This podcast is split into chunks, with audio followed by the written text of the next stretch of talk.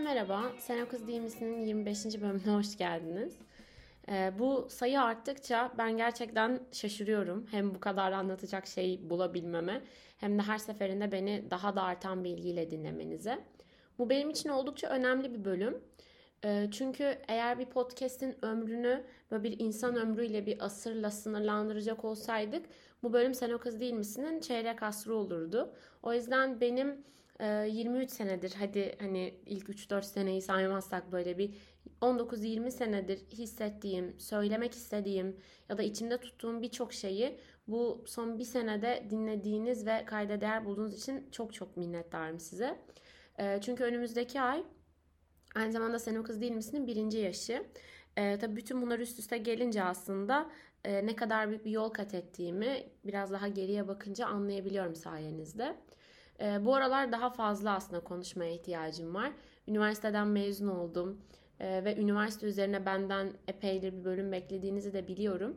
Ama üniversitenin kapısına girmemle çıkmam bir olduğu için e, artık üniversitenin de bitmesine bu kadar yaklaşmışken hani birkaç günüm kalmışken bir türlü bilgisayarım karşısına geçemedim. Çünkü yüzleşmek istemedim. Ama bu bölüm sizinle gerçekten e, üniversiteye girmek nasıl bir şeydi benim için? Beklentilerim ne kadar karşılandı? Bunları konuşmak istiyorum. Çünkü biliyorum ki aranızda bundan korkusu olan, çekinen var. Hazırlanan, bu sene kazanan ya da geçen sene kazanıp Covid'den ötürü gidemeyenler var. O yüzden kendi deneyimlerimi, beklentilerimi paylaşacağım. E, umarım beğenirsiniz bu bölümü. Bölüme geçmeden önce Sizinle paylaşmaktan mutluluk duyduğum ve Sen o kız değil misin'in ilk işbirliği olan Kunduz'dan bahsetmek istiyorum. Çünkü bu bölümde sizinle üniversiteyi konuşacağım. Üniversite hayatı beni gerçekten şekillendiren, kendimi bulduğum, bazı noktalarımı kaybettiğim ama en nihayetinde şekillendiğim bir yerdi. Ve benim için üniversiteye hazırlık süreci de en az üniversite kadar bileyici bir dönemdi. Ben mezuna kalıp üniversiteye iki kere hazırlandığım için İkinci senemde biraz daha aslında nelerden kaçınmam gerektiğini ve nelerden aslında yardım alabileceğimi biraz daha iyi biliyordum. Ve en büyük stres faktörü de üzerimde. Sanki ne kadar fazla para harcarsam, ne kadar fazla özel ders alırsam, ne kadar pahalı bir dershaneye gidersem başarıya o kadar hızlı erişebilirim kaygısıydı. Ama ikinci senemde bu gerçekten kaçınmam gereken bir şeye dönüştü. Özellikle de her şeyin yavaş yavaş online'a dönüştüğü ve belki de kaliteli eğitime erişmenin bu kadar zor olmaması gerektiği bir dönemde Kunduz aslında sizin online anlamda eğitim öğretim olarak üniversite hazırlık sürecinde destek alabildiğiniz bir platform. Kunduz'la birlikte neler yapabileceğinizden bahsetmek isterim. Çünkü size bu uygulamayı tanıtmadan önce kendim biraz kullandım, biraz araştırdım, bir öğrenci gözüyle baktım, bazı sorular attım. O yüzden de gönül rahatlığıyla öneriyorum aslında. Benim üniversite hazırlık sürecinde zorlandığım şeylerden bir tanesi de sorduğum soruların ya da kafama takılan şeylerin cevabını almak için biraz bekleyecek olmamdı. Ya yarınki etüdü bekleyeceğim ya anladığım hocayı bekleyeceğim. O yüzden onları tutmak elimde bazen hangi noktayı anlamadığımı unutmama neden oluyordu.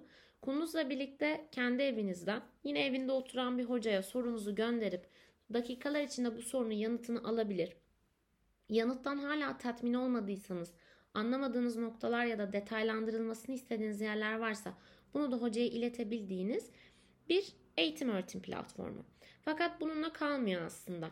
Bu sorunun cevabından tatmin olduysanız hocayı değerlendirebiliyorsunuz. Böylelikle aldığınız cevabın, aldığınız eğitimin aslında kalitesini hem stabil hem de daha kaliteli bir noktaya getirebiliyorsunuz. Kunuz Premium içerikle birlikte sınırsız soru hakkına sahip olabildiğiniz gibi platform içinde hali hazırda yer alan müfredata uygun konu anlatım videolarını izleyebilirsiniz. Videolu test çözümlerine erişebilir. Aynı zamanda Türkiye genelinde çevrim içi sınavlara girerek de kendinizi deneyebilirsiniz aslında.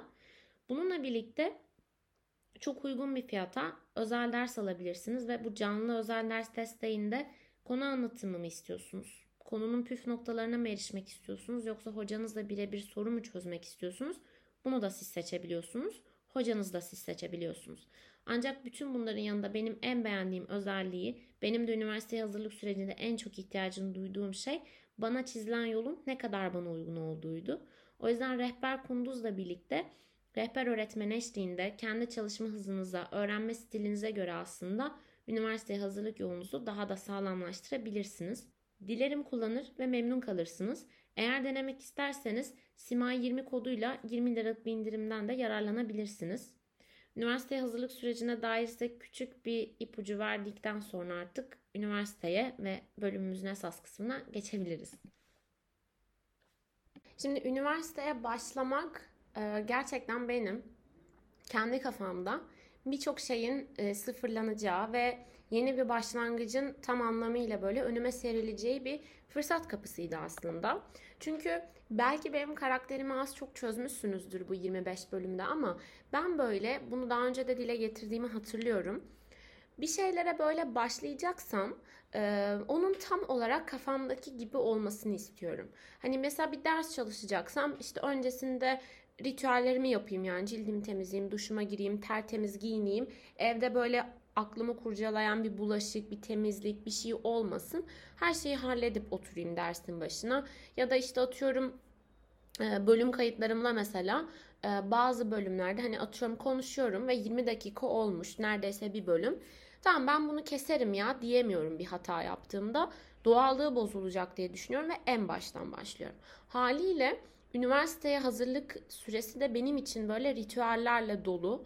Ee, ama biraz olsun bu obsesyonumu da hafifleten bir şeydi. Çünkü dediğim gibi ben iki senede hazırlandım üniversiteye.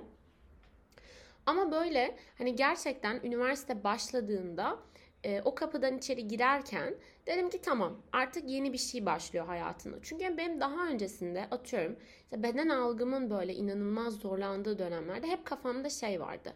İşte 18 yaşına girdiğimde 18 yaşıma girene kadar işte istediğim vücuda ulaşacağım. Bunları bunları yapacağım. Aslında şimdi şimdi fark ediyorum ki bunlar benim gerçekten yapmak istediğim şeyler değildi. İşte gerçekten çok kilo vermek, çok zayıf olmak, çok güzel olmak, işte çok büyük başarılara imza atmak ben. Çünkü gerçekten başarı gibi nitelendirdiğim şeyleri şayet içselleştirmiş olsaydım bence bunun için böyle bir postpon yapıp da 18 yaşıma kadar falan demezdim diye düşünüyorum. Çünkü bunlar benim mesela 15-16 yaşında hatta 12-13 yaşında yaptığım şeylerdi. Mesela 12-13 yaşında böyle inanılmaz derecede işte o beden algısı üzerinden zorbalığa uğradığım zamanlarda hep şey derdim. Tam 18 yaşına geldiğimde hayatım mükemmel olacak. 18 oldum ve her şey mükemmel olmadı. Üniversite beraberinde tabii ki problemler getirdi. Akabinde dedim ki ya 19 çok kıymetli bir yaş gibi geliyor falan. Ee, tabii bu arada 18 oldum. Ee, her şeyden önce üniversiteye gitmedim yani istediğim yer olmadı ve dedim ki bir sene daha deneyeceğim. 19 dedim ki tamam bak sen 19'da üniversiteye gidiyorsun. Demek ki bir şeyler için o senin beyaz sayfan bu yaş olacak. Üniversiteye gittim.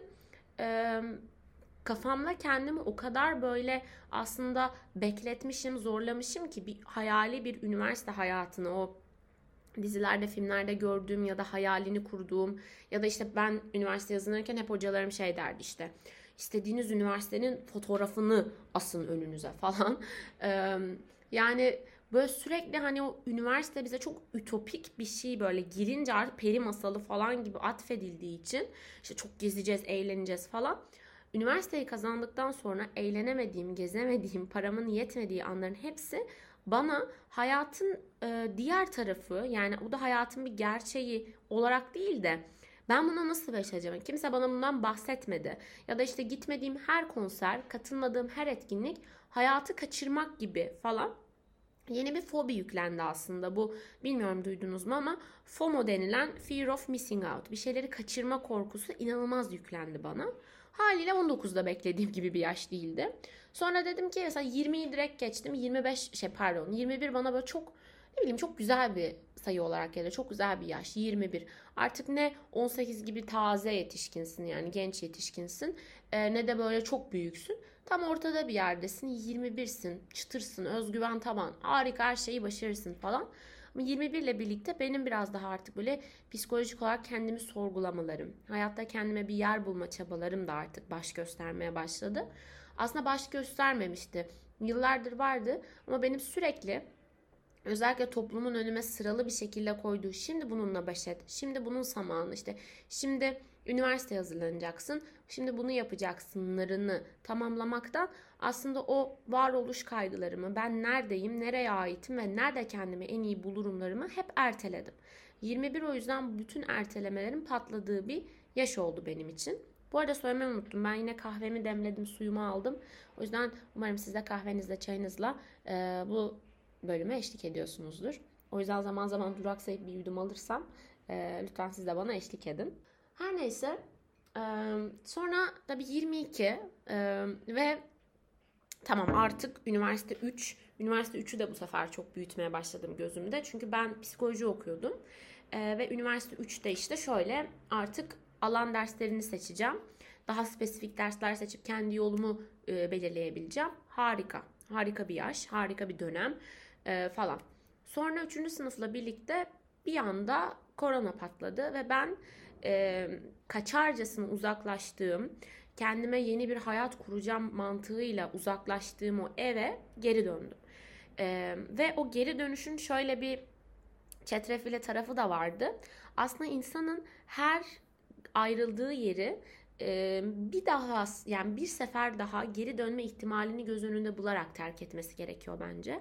Çünkü çok büyük bir özgüvenle bir daha asla geri dönmeyecekmiş gibi terk ettiğinde gittiğinde geri dönüş gerçekten kat be kat zor oluyor. Benim için Covid dönemi yine biraz daha işte iki haftalığına geliyoruz diye düşünerek döndüğüm için çok zorlayıcı olmamıştı. Sonra işte taşınma telaşımız oldu. Ben o sıralar daha böyle işte kendi nasıl desem kişisel gelişime yoğunlaşmıştım. İşte spor yapacağım, belli düzenlere oturtacağım. Çünkü benim için büyümek o kadar korkutucu bir şeydi ki. İyi bir akademik kariyer istiyorum. Ee, akademik bir başarı sağlamak istiyorum. Üniversite hayatını yaşamak, genç olmak istiyorum. Çünkü kafamın içindeki ses bana sürekli yapmadığım her şeyi kaçırıyorum ve bir daha asla geri dönüşü olmayacakmış gibi bir his veriyordu. Üniversite bir noktada bana böyle korkuyu sanki yenmemi, sağlarken bir noktada da o korkunun temeliydi aslında. Hani böyle e, şey vardır ya işte küçük çocuklar mesela anneleriyle tartışır ya da annelerinden böyle azar işitir. Anne anne diye ağlar. Benim için üniversite biraz öyleydi. Hani gerçekten dayağını yediğim ama yine de e, bir türlü kopamadım. Yine onun ilgisine, onun kucaklamasına ihtiyaç duyduğum bir evdi aslında. E, ve bana sunulan, bana anlatılan o tanıtılan üniversite ütopyası, o eğlencesi, dostlukları evet gerçekten e, bir parçasıydı ama kimse bu ütopyanın bir de distopyası olduğundan bahsetmedi ben giderken. Benim için üniversite kesinlikle kazanmam e, ve sonrasında ne olacağını kendi başıma deneyimlemem gereken bir yerdi. E, ve bence hani biraz üniversite belki bilmiyorum gerçekten bizim hani e, toplumumuzun çoğunluğunun dini inancından da kaynaklı olsa gerek bilmiyorum. Hani bunun etkili olup olmadığını ya da diğer ülkelerde, diğer kültürlerde nasıl olduğunu üniversite kazanmaya olan bakış açısında ama üniversite öyle bir şey ki gerçekten sanki bir cennet gibi e, vaat edilen, kesinlikle gidilmesi gereken, her şeyin harika olacağı, yeni bir başlangıç olan bir şey. Ama hiç kimse giden, sanki böyle cennet cehennem gibi giden gelip de sana şöyleydi böyleydi diyemiyor. Ha, diyor da yani herkesin deneyimi kendine ve kimse bir başkasıyla birebir aynı deneyimi yaşayamıyor. O yüzden üniversitenin belki de en cazip tarafı o biricikliği. Ama bu biriciklik içinde tabii ki de kaosu, e, bazı problemleri ve kendine keşfetmediği noktaları da şak diye önüne çıkartıyor. Yani üniversite koridorlarında ben hocalarımla, arkadaşlarımla ya da hayatımın aşkıyla karşılaşmadığım kadar belki kendimle yüzleşmek istemediğim yönlerimle ya da kaçındığım şeylerle hep yüzleştim o koridorlarda, o amfilerde. Hani bakınca ben zaten bir buçuk senem üniversitemden uzakta geçti. Ama yine de hani okuduğum süreçte şimdi benim geriye dönüp de neler yaptığımı görme şansım oluyor. Ee, o yüzden bazı noktalarda aslında o anın tadını çıkartamama ve bunu şu an şu an fark etme benim o bir şeyleri tam anlamıyla mükemmelliyetçiliğime uygun şekilde yapamama korkumu çok fazla da tetikliyor aslında. Ama şöyle bir şey var. Yani ben e, üniversiteye bir daha hazırlanıyor olsam her şeyden önce üniversiteyi bu kadar gözümde büyütmemem gerektiğini e, kendime bir hatırlatırdım. E, tabii yapabilir miydim bunu gerçekten bilmiyorum. E, çünkü gerçekten üniversiteye hazırlanırken aslında sadece 2-3 soru çözmenin ya da işte verilen şeyleri tamamlamanın değil de aslında o psikolojik savaşın, aileyle girilen mücadelenin, arkadaşlıkların ne kadar büyük bir etken olduğunu çok iyi biliyorum. Ee, ve yani şundan e, biraz dem vuracağım. Ben üniversiteye e, hazırlanırken üniversiteye hazırlanmak dışında hiçbir şey yapmadım. Ee, ve üniversiteden içeri girdiğimde haliyle onu kazanmak, oranın bir parçası olmak için bu kadar e, feragat ettiğim kendi hayatımdan, gençlik yıllarımdan, yaşlarımdan sonuçta hani gençlik yıllarım demem belki kulağa absürt gelecek ama yani sonuçta bizim hep bir hazırlandığımız bir şey o. Ee, küçüklükten başlıyor. Ne olacaksın, ne olacaksın? Şayet küçükken ben bu olacağım dediğim bölümü kazandıysan da mükemmel bir başarı hikayen oluyor falan. Ee, sonra üniversiteye gidiyorsun. Ee, üniversite hayatı yaşayacağım diyorsun. Hop ortalama kaygısı. İşte Erasmus yapabilecek miyim? Ortalamanın altında mıyım? Abi bu sınavda çan varmış, şu varmış. Hoca bana taktı. Bunların hepsinin bir parçası oluyorsun. Ama sadece şöyle ee, ben üniversiteyi kazandıktan ve bitirdikten sonra ve biraz üniversitenin şamarını yavaş yavaş yemeye başladıktan sonra fark ettim ki üniversiteyi kıymetli yapan benim aslında. Yani benden kastım öğrenci kimliği. Ben olmasaydım hiçbir zaman zaten böyle bir binaya, böyle bir yapıya, böyle bir kuruma ihtiyaç duyulmayacaktı. O üniversiteyi yapan şey nerede bulunduğu, hangi hocalar olduğu, nasıl bir eğitim verdiği değil. O eğitimi almak talebiyle oraya giren bir öğrencinin varlığı. O yüzden mesela üniversiteye girdikten sonra özellikle de bitirdikten biraz da üniversitemin böyle öğrenci evi olup yani öğrenci için orada olup öğrenciden bu kadar uzak, öğrenciyi bu kadar anlamaktan yoksun bir yapıya sahip oluşunu gördüğümde hayal kırıklığına uğradım. Yalan değil. Çünkü benim bu kadar kazanmak için, bir üyesi olmak için çaba sarf ettiğim bir şeyden bu kadar sen bizim için o kadar da önemli değilsin yani haberin olsun gibi bir e, tutum görmek beni çok şaşırttı. E, o yüzden kendimi üniversiteyle, üniversitenin ismiyle, okuduğum bölümle ya da aldığım puanla e, sıfatlandırmamam gerektiğini fark ettim. Bunu ne kadar uyguladım bu tartışılır. Çünkü bu benim için bir alışkanlıktı. Çünkü hazırlık dönemimden bile, üniversite hazırlanırken bile işte hangi üniversiteyi kazanırsan hangisinin ismi seni daha ön plana atar, hangisi daha prestijli, şuranın mezunuyum demek daha güzel falan. Hep bu bilinçle ben hazırlandım ve bu bilinçle yetişen bir e, dönemin içindeydim. Şu an nasıl bilmiyorum ama çok da bir arpa boyu yol gidildiğini düşünmüyorum bu şartlarda. Ama gerek şu an haberlerde gördüğümüz üniversite öğrencilerine toplumun, büyüklerin, devletin tutumunu da gördüğümde fark ettiğim şey şu aslında. Biz üniversiteye çok büyük bir anlam ve önem atfederek orayı kazanmaya çalışıyoruz. Ama aslında üniversitenin bizi kazanmasına ve bize layık olmasına çalışıyoruz. Sonuçta ben belli bir puan yapıp o üniversitenin standartlarına uygun bir aday olduğumu belirterek oraya gidiyorum. Üniversitenin de bana bu şartlar altında kucak açmasını ve beni bağrına basmasını bekliyorum. Ama gördüğüm şey ötekileştirilmek, ayrıştırılmak, hak ettiğimi görememek, e, bana düzgün bir yemek, düzgün bir barınma, düzgün bir bazen eğitimin sunulmaması, bazen gerçekten kale alınamamak, muhatap olarak görülmemek. O yüzden kendimi belli bir noktadan sonra üniversitenin ismiyle, puanıyla, okuduğum bölümle sınırlandırmamam gerektiğini, o bölümün ben olduğum için, o okulun ben olduğum için orada olduğunu kabullenmeye çalışmaya başladım. O yüzden yeni gidenlere, şu an hala okuyanlara ya da hazırlananlara en büyük tavsiyem e, şudur ki sizin gittiğiniz üniversite sizi belirlemiyor. Siz aslında gittiğiniz yeri belirliyorsunuz ve orada bir iz bırakıyorsunuz. Mutlaka bu iz karşılıklı bir şey ve üniversite sizin üzerinizde çok büyük bir etkiye sahip olacak ama her zaman aslında hani benim geçmiş bölümlerde ilişkiler için söylediğim bir şey vardı ki bahsettiğim üniversite öğrenci ilişkisi de aslında böyle bir ilişkiye dayanıyor bence. Hani bazı insanları hayatımızın merkezine koyuyoruz ee, ve sonra o insanlar ona böyle bir hak verdiğimiz için bunu verenin biz olduğumuzu artık unutarak ben bu kişinin hayatının merkezindeyim ve her istediğimi yapabilirim gibi bir komplekse bürünüyor. Halbuki o merkeze biz koyduysak biz her ne kadar zor olsa da oradan indirme gücüne sahibiz. O yüzden üniversitede bence bu ilişki temelinde oturtulması gereken başka bir ilişki doğuruyor öğrenci ile arasında. O da şu ki evet hayatını şekillendirecek. Evet e, hangi okuldan mezun olduğun belki ileride karşına çıkacak. Ama her şekilde o üniversiteyi sen seçtin, sen gittin ve bu dönülmez bir yol değil. Burada yapacağın her şey senin üzerinde, senin e, üzerinde hak talep ettiğin ve söz sahibi olduğun bir şey.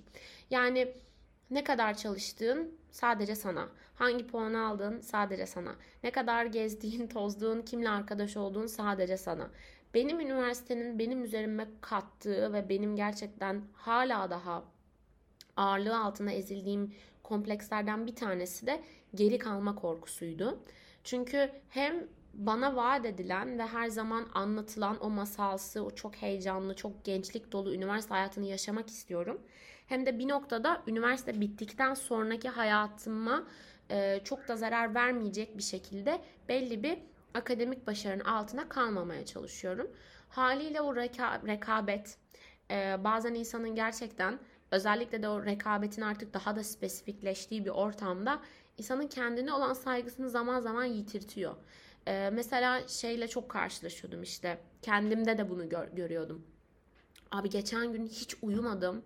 Bütün konuları çalıştım falan. Bunu demek aslında ne kadar kendime zarar veriyorum. Ama bunu demek, bunun bir parçası olmak insana bir noktada kendini sanki bir kalta böyle üye olmak, artık bir şeyin bir parçası olmak gibi hissettiriyor.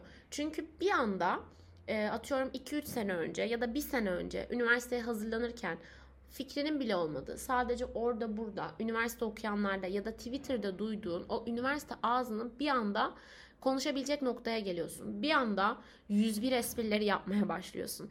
Bir anda gerçekten o hoca bana taktıların, abi çan varmışların, işte ne bileyim sınıf grubundaki o inanılmaz böyle cringe anların bir parçası oluyorsun. Bunların şakasını yapmaya, bunlardan sistem etmeye, bunların bir parçası olmaya başlıyorsun. Ve her ne kadar üniversite sana belli sorumluluklarla birlikte belli problemler getirse de, e, yüzleşmek istemediğin, karşılaşmak istemediğin insan profillerini önüne getirse de etrafına baktığında Özellikle de benim gibi yalnızlık hissiyle sıklıkla boğuşan ve bu yalnızlığın sadece ilişkilere ona buna değil de hayatın her alanına kendini uyarlayabilecek bir his olduğunu eğer sen de hani az biraz yakınsan yani bu, bu hisse yakınsan bir yandan aslında üniversitenin ortak dilli problemlerinin bir parçası olmak problem adı altında iyi de hissettiriyordu bana. Yani bir anda artık final haftası stresini çekmek. Mesela aileme o finallerim var çok yoruldum ya dün gerçekten hiç uyumadım demek. E, galon galon kahve içmek. Bunlar bir yandan da kendini sanki bir ritüeli gerçekleştiriyormuş. Sanki o yüzyıllardır süren üniversite geleneğini sen de bozmayıp devam ettiriyormuşsun gibi de bir his veriyor. O yüzden üniversiteye yeni gideceklere, e, hazırlananlara ya da başlayanlara benim e, yegane e, tavsiyem yani tavsiye denmez de hani e, bir sırtına böyle bir desteğim bir pıt pıtım şudur. Hmm, başta gerçekten çok yadırganıyor. Ben neredeyim ve istediğim şey bu mu? Bu muydu? E, bu oluyor. Hele ki ben yani psikolojiyi böyle hep şey hani işte ya sen çok dert dinliyorsun, çok güzel akıl veriyorsun. Sen kesin psikolog ollarla ortaokulda kafama kazınmış. Lisede iyice artık işi hırsa bindirdiğim. Üniversitede de nihayet okumaya başladığım bölüme ben ilk geldiğimde inanılmaz düşük puanlar alıyordum. Çünkü ben her zaman insanı duygular üzerinden değerlendiriyordum. Benim karşıma bir çıkarttılar bilişsel psikolojiyi. Ben duman oldum yani. İşte bana bir çıkarttılar fizyolojiyi. Ben aklımın böyle bir yani bunu prosesleyecek bir bölümü olduğundan bir haberdim. İstatistik dersinde ağlaya ağlaya dersten çıkıyordum. Kocaman Afide bir de ağlarken dersinden çıkarken yandakilerin kayıp bana yer vermesini böylece sınıfı sessizlik içinde terk etmeyi falan bekliyordum. Hani o yüzden beklediğim gibi bir şey olmaması beni şok etti. Ama sonra fark ettim ki üniversite sadece benim elimde bir hamur. Bu hamurdan benim hangi yemeği yapacağım, ne pişireceğim, ne kadar lezzetli olacağı, kimin damak zevkine uygun olacağı olup olmayacağı sadece benim belirleyebileceğim bir şey. Hepimiz mesela benim atıyorum girdiğim senede hepimiz 150 kişi aynı eğitimi aldık. Ee, ama herkes aynı kitabı okumadı. Herkes aynı seminerlere katılmadı. Herkes aynı barda sarhoş olmadı. Herkes aynı kişiden hoşlanmadı. Herkesin kalbi aynı kişi tarafından e, kırılmadı. Haliyle hepimiz farklı psikologlar, psikologlar olarak aslında o kapıdan ayrıldık. O yüzden e, başta ben arkadaşlarımın seminerlere gittiğini, akademik kitaplar okuduğunu, araştırmalar yaptığını gördüğümde gerçekten cinnete yakın bir şey yaşıyordum yani. O geride kalmışlık. Ama e, benim de o kaygıyla, o korkuyla kağıtları böyle karıştırdığım, notlara abandığım, hadi oku, hadi anla dediğim ve sonucunda çok daha büyük bir hayal kırıklığı, kırıklığıyla masadan kalktım çalışmalarım oldu. Sonra fark ettim ki bu benim hayalim değil. Bu A kişisinin hayali. A kişisi kendi hayali için bu makale okuyor. Ben niye bunu okuyorum ki? Bu benim hayalim değil. Ama şöyle düşünmeye başladım sonra. Ee, mesela ben işte projelere gidiyordum. Ee, ve atıyorum bir projeye gitmek için ders sınavlarımı büte bırakıyordum. Ee, iyi notlar alamıyordum ya da. Ya da ne bileyim herkes böyle gerçekten e, 90-100'e yakın şeyler alırken gerçekten 85'e oturup ağlıyordum falan. Neden diyordum yani ne eksiğim var ne, neden? Çünkü sanki böyle 85 üstü alanlar böyle bir partide takılacak falan da ben dışarıda e, uzaktan onlara el sallayacağım gibi falan ve gerçekten içinde bulunduğun ortamın seni ne kadar şekillendirdiğini ve üzerinde tahakküm kurduğunu hissedercesine ne kadar rahat bir insan olursan ol gerçekten abi niye herkes 95 aldı da ben 92 aldığımı hissediyorsun. Yani öyle üniversite olunca tabi bölümden bölüme sınavdan sınava hocadan hocaya değişmekle birlikte yani 90 olsun 60 olsun 30 olsun bu değil mevzu. Demek istediğim gerçekten hani sana yeterli olan senin beklentinden fazla ya da beklentine eşit, eşit olan şeylerde bile kendini başkalarıyla kıyaslamaya başlıyorsun yani. Ee, tabii bu şey değil, bu bir fact değil. Siz de başlayacaksınız değil.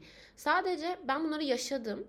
Ama bunun içinden çıkmam gerektiğini fark ettim. Çünkü hep şeydim yani. Üniversiteyi kazanmak bana sadece e, istediğim bir şeyi yapabileceğimi gösterdi.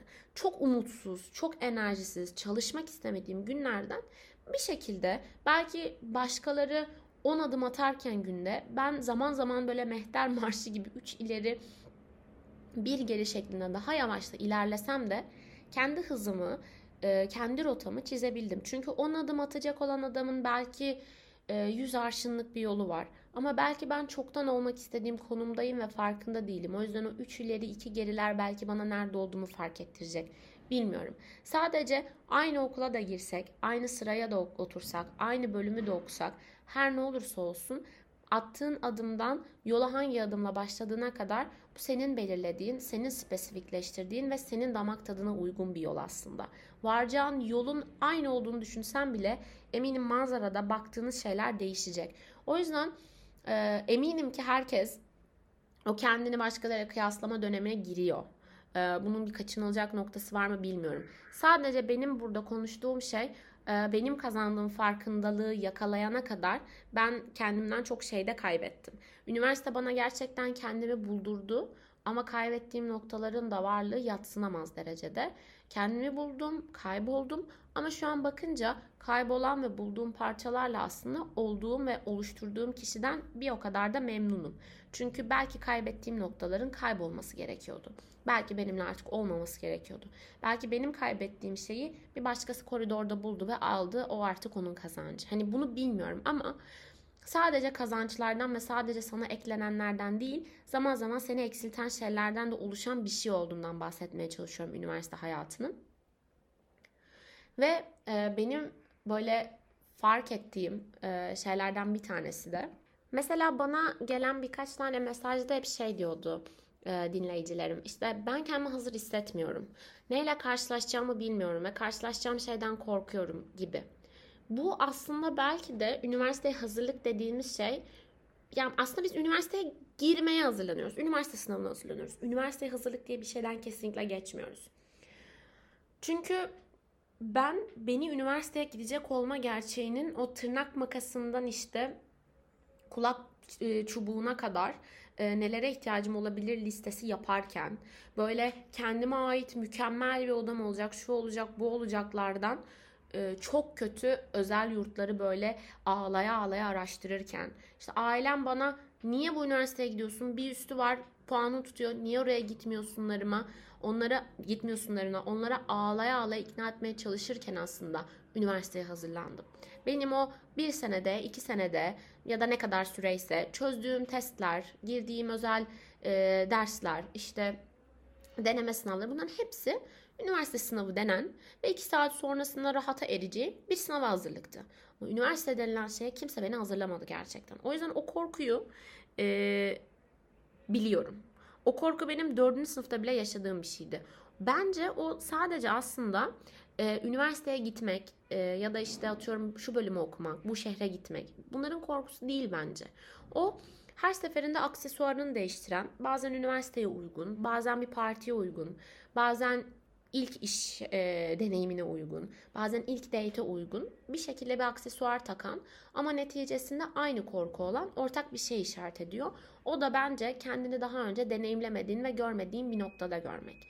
Ben mesela üniversiteye giderken e, Biraz da ben böyle üniversiteye ailemle tartışmalarla gittim. Yani ailem benim e, bir üst üniversiteye gitmemi istiyordu puanım tuttuğu için ama ben İstanbul'da okumak istiyordum. Benim hayalim İstanbul'du. Ben orada okuyacağım dedim. İstanbul'a gittim. Çok ağladım, çok korktum, uyuyamadım, aç kaldım. Bir şeyleri sıfırdan öğrenmem gerektiğini hissettim ama o burnumun e, hani burnum düşse yerden almam şeyinden, o kavgalardan, gürültülerden ve nihayetinde inat ettiğim şeyi yapmanın verdiği cesaretin hiçbir zamanda dönüp de ya beni buradan alın ben çok korkuyorum diyemedim. Ya da anne ben seni çok özledim diyemedim. Bir şeyleri kendi içimde rayıma oturtup annemi sadece onu özlediğim için aradığımı hissettirecek noktaya gelene kadar arayamadım mesela. Ee, çünkü dikme gitmiştim. Yani ailemin e, kendi burnumun dikine gitmiştim ailemin zıttına. O yüzden o noktada böyle yok dedim yani. Ne kadar ağladığımı, üzüldüğümü, korktuğumu söylemeyeceğim. Ama korkumun sonra sonra şuna erildiğini, e, evrildiğini fark ettim.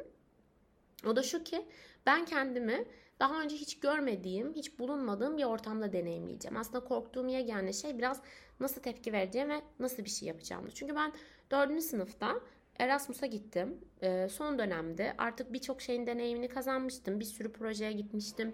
Kaldık Erasmus'a sınıf arkadaşımla gidiyordum. Gitmeden önce bir sürü arkadaş edinmiştim. Zaten orada görüşeceğim falan. Peki neyden korkuyordum? Kendimi hiç bulunmadığım bir noktada e, ilk kez deneyimleyecek olmamdan, ilk kez kendi başıma başka bir ülkede uzun süre kalacak olmamdan ve bütün bunlara benliğimin nasıl tepki vereceğinden korkuyordum. Çünkü insan her zaman kendine bir konfor zon arıyor ve yaratıyor. Eğer o aradığı konfor zon yoksa bunu yaratıyor. Ben de yaratıyordum gerçekten. Hani böyle çocukların o iki koltuk arasına yastıklardan kale yapması gibi bir şekilde her zaman kendi konfor zonumu yaratıyordum. Beni korkutan şey şimdi oradan çıkacak olmak, yeni bir yerde yeni bir konfor zon kendime oluşturmak zorunda olmaktı. Ee, ve tamam bütün bunları da kabul ettim. Peki ya o yeni oluşturacağım konfor zonda e, kendime yapacağım yastıklar yoksa kendime kule edineceğim, kendime mesken tutacağım iki koltuğun arasını bulamazsam neler olacak? Ya benden önce birisi kaptıysa. O yüzden benim aslında endişemin e, nerede olacağımdan değil, e, o yerde nasıl olacağımdan kaynaklandığını fark ettim. O yüzden o ilk korku bence evet herkeste oluyor. Çok evrensel bir şey. E, çünkü otobüse, uçağa biniyorsun ya da o odada ilk defa kendi başına kalıyorsun. Diyorsun tamam artık yeni bir chapter. Yani o yeni chapter üniversite sonucu açıklanınca, üniversiteden içeri girince, ilk ders işlenince, kantindeki kahve içince falan başlamıyor. Farklı bir ortamda kendini gördüğünde çoktan başlamış oluyor zaten. O yüzden e, o korkunun aslında biraz daha böyle bekleyince o korkunun doğurduğu o yoğun ses, yoğun kaygı biraz daha hafifleyince e, benim çok öncesinde terapistimin söylediği gibi anksiyete senin içinden geliyorsa belki de sandığın gibi bir düşman değildir o. Belki sen kendine SOS veriyorsundur demişti ve ben gerçekten böyle çok uzun bir süre def etmeye çalıştığım anksiyete hissimi e, artık bir dost gibi bağrıma basmaya, onun dilini anlamaya e, yöneltmiştim. Buna buna çabalıyordum. O yüzden o yabancılık hissi, o korku ve ne yapacağım hissi biraz hafiflediğinde bu mesela üniversite hazırlıkta da böyle bence. Yani o sınava çalışma evresinde. Çünkü hiç bilmediğin farklı türden bir stresi deneyimliyorsun. Bütün bunların içinde o kaygı birazcık daha sesini azalttığında aslında neye tekabül ediyor ve ben bu sesten nasıl bir şey yaratabilirim, nasıl bir şey çıkartabilirim buna karar vermek önemli. O korkunun bir de e, belki bu bölüm anlamamıza yardımcı olur. Evrensel bir şey olduğunu, kim ne kadar gülerse, ne kadar neşeli olursa, ne kadar arkadaşı olursa olsun. O korkunun farklı şekillerde de olsa herkese tezahür ettiğini bilmek belki bir noktada da rahatlatıcınız olacaktır. O yüzden benim aslında bu koca bölümde hiç teklemeden konuştum neredeyse. Ee, söylemek istediğim son şey şu. Benim üniversiteye girmemle çıkmam bir oldu. Hayal ettiğim gibi miydi? Hayal ettiklerimin ötesinde miydi, berisinde miydi? Bu tabii ki her zaman değişken olabilecek bir şey. Belki aradan yıllar geçecek. Çünkü benim mesela okurken çok ofladığım, pufladığım her şey birkaç hafta önce mezun olmak için de fakülteme girdiğimde tepe taklak olmuştu. Her yerine aşık olmuştum bir anda okulun. Halbuki okurken oflaya puflaya, dersleri eke eke e, gittiğim okul bir anda gözümde böyle sanki benim böyle şatom falandı ve terk etmek istemediğim bir yerdi. O yüzden bu izlenimin yıllar sonra ne kadar değişeceğini ya da yılları geçtim birkaç gün sonra bile neye evrileceğini bilmiyorum. Ama üniversitenin belki de çaktırmadan bizi öğretmeye çalıştığı ve neticesinde öyle ya da böyle ya bitirirken ya okurken ya da çok sonrasında fark ettirdiği bir şey varsa o da şu. E, belki benim bu iyimserliğim bilmiyorum ama üniversite e, üniversite olduğu için önemli değil. Hmm, sen kazandığın için ve senin bir kıymetin olduğu için önemli. O yüzden oraya bir kıymeti senin kattığını e, ve senin oradan istediğin kadarını alabileceğini yani ne olursa olsun neticenin e, ve iplerin senin elinde olduğunu bilmekten geçiyor bence öğretisi. O yüzden dilerim bu öğretiyi e, bir kenarda tutup bu şekilde bu deneyime başlarsınız. Daha tabii üniversitedeki arkadaşlıklar, üniversitedeki hocalar, üniversite klişeleri de var. Bunlar çok uzun. Bunları ben bir bölümde de bir arkadaşımla konuşmak istiyorum ama şöyle söyleyebilirim ki benim üniversitem bitmeye çok yakınken bana bir o kadar da hayal kırıklığı verdi gerçekten. Ee, bir geçenlerde bir arkadaşımla karşılaştım. Yolda böyle hüngür hüngür ağlıyordum tek başıma. Sonra bir arkadaşımla karşılaştım. Artık gerçekten ne onu karşıma çıkarttı bilmiyorum. Ee, yıllardır da birbirimizi görmüyoruz. Yani aynı mahallede oturuyoruz ve görmüyoruz. Yani yıllardır dediğim 4 senedir birbirimizi tanıyoruz. 3 senedir görmüyoruz birbirimizi. Oturduk. Ben ağladım. Biraz konuştuk. Sonra arkadaşım beni dinlemeye başladı. Ben endişelerimden bahsettim. Bana dedi ki hani böyle lisedeyken lisede arkadaş edinirsin. Üniversitedeyken üniversitede arkadaş edinirsin. Şimdi üniversite bittiği için e, artık nerede arkadaş bulabilirim ki diye düşünüyorsun. Ama öyle bir şey değil. Bu öyle bir şey değil. Hayat sana zaten yeni bir şeyler edineceğin, yeni arkadaşlar edineceğin yollar çıkartıyor diye. O yüzden üniversite arkadaşlıklarını, üniversite ortamını hayal etmekten ziyade sana verilen kadarını yaşamayı ve yaşadıkça fazlasını talep etmeyi birebir deneyimlemek gerekiyor bence. Ve üniversitenin hayal kırıklığı gerçekten daha bir farklı oluyor. Çünkü elinde sonunda kendi odana, kendi evine ya da yurduna ya da yalnız kalmak için bir banyoya falan kapandığında hayal kırıklıklarıyla çok farklı bir şekilde baş ettiğini de görüyorsun. Yani üniversite benim için öğretilerle doluydu. Belki çok hakkını veremedim. Belki üniversite benim hakkımı veremedi. O artık bizim ikimizin arasında bir şey ama e, kapıdan girmemle çıkmam bir oldu. Yaşarken hiç bitmeyecekmiş gibi geliyordu. Ama bitince göz açıp kapayıncaya kadar. O yüzden dilerim ki gidenler, gidecek olanlar ya da bitirenler az çok relate eder bu bölümü. Bu bölüm hakkında konuşmak isterseniz de lütfen bana mesaj atmaktan çekinmeyin. Bir sonraki bölümü böylelikle birlikte oluşturabilelim. Yani üniversite için yurt odasında olanlar ya da hala aile evinde olup artık bir üniversiteli olarak gözünü açıp kapatanlar, ev arayanlar, ne bileyim her neyse ne. Ama elinde sonunda ya bir üniversiteli olarak ya başka bir evde, başka bir yurtta, başka bir yatakta olarak gözünü kapatıp yatağa girenler. Sakın umutsuzluğa alışmayın. O yatağa da küs girmeyin. 4-5 sene sonra bitecek zaten. Siz umutsuzluğa alışmayın. Gerisi gerçekten çorap söküğü gibi geliyor. Üniversite size yeni farklı umutsuzluklar veriyor ama umut her zaman insanın kendisinde. O yüzden problemlerin çözümünü hiç bulamayacak gibi hissediyorsanız çözümü size üniversite, üniversiteye hazırlık ya da doktor yüksek lisans değil. Siz bizzat kendiniz veriyorsunuz. Herkesin öğretisi kendine. Kendinizin en büyük öğretmeni olduğunuzu bence sakın unutmayın. Sizi çok çok çok öpüyorum. Hmm, tekrardan hatırlatıyorum. Eğer üniversiteye hazırlananlar ve e, kunduzu denemek isteyenler varsa Sima 20 koduyla 20 liralık bir indirimi yakalayabilirler. E, ilk bir işbirliğim. Çok heyecanlıyım. Kocaman sevgiler. 26. bölümde görüşürüz.